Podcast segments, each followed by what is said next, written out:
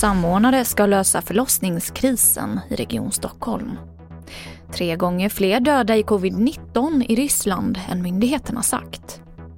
Och nästa vecka är det Stefan Löfvens sista vecka på posten som partiordförande och statsminister.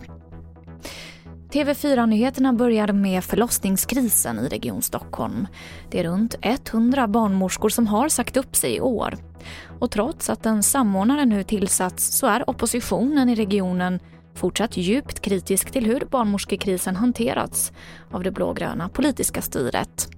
Socialdemokraterna menar att det nu akut krävs en satsning på 440 miljoner kronor till sjukhusen och minst 50 miljoner direkt till förlossningsvården i regionen.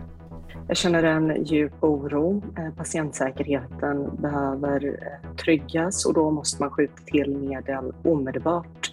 Eh, Sveriges rikaste region måste ge vård efter behov. Det sa Aida Hadzialic som är oppositionsregionråd på Region Stockholm. Antalet döda i covid-19 i Ryssland är tre gånger så högt som myndigheterna uppgett. Det här hävdar en oberoende statistiker.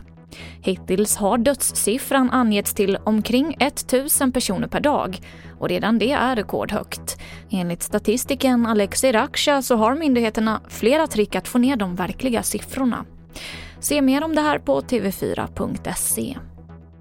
Och vi avslutar med att under den kommande veckan så är det Stefan Löfvens sista vecka på posten som partiordförande för Socialdemokraterna och som statsminister för Sverige. Nyhetsmorgon söndag träffade Stefan Löfven och hans fru Ulla för en intervju där statsministern bland annat berättar om beslutet att avgå.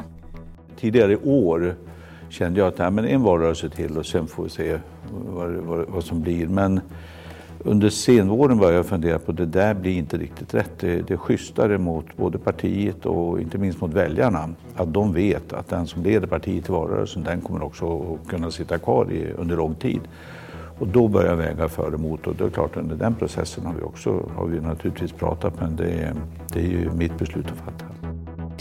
Och fler nyheter hittar du i vår app TV4 Nyheterna. I studion, Emily Olsson.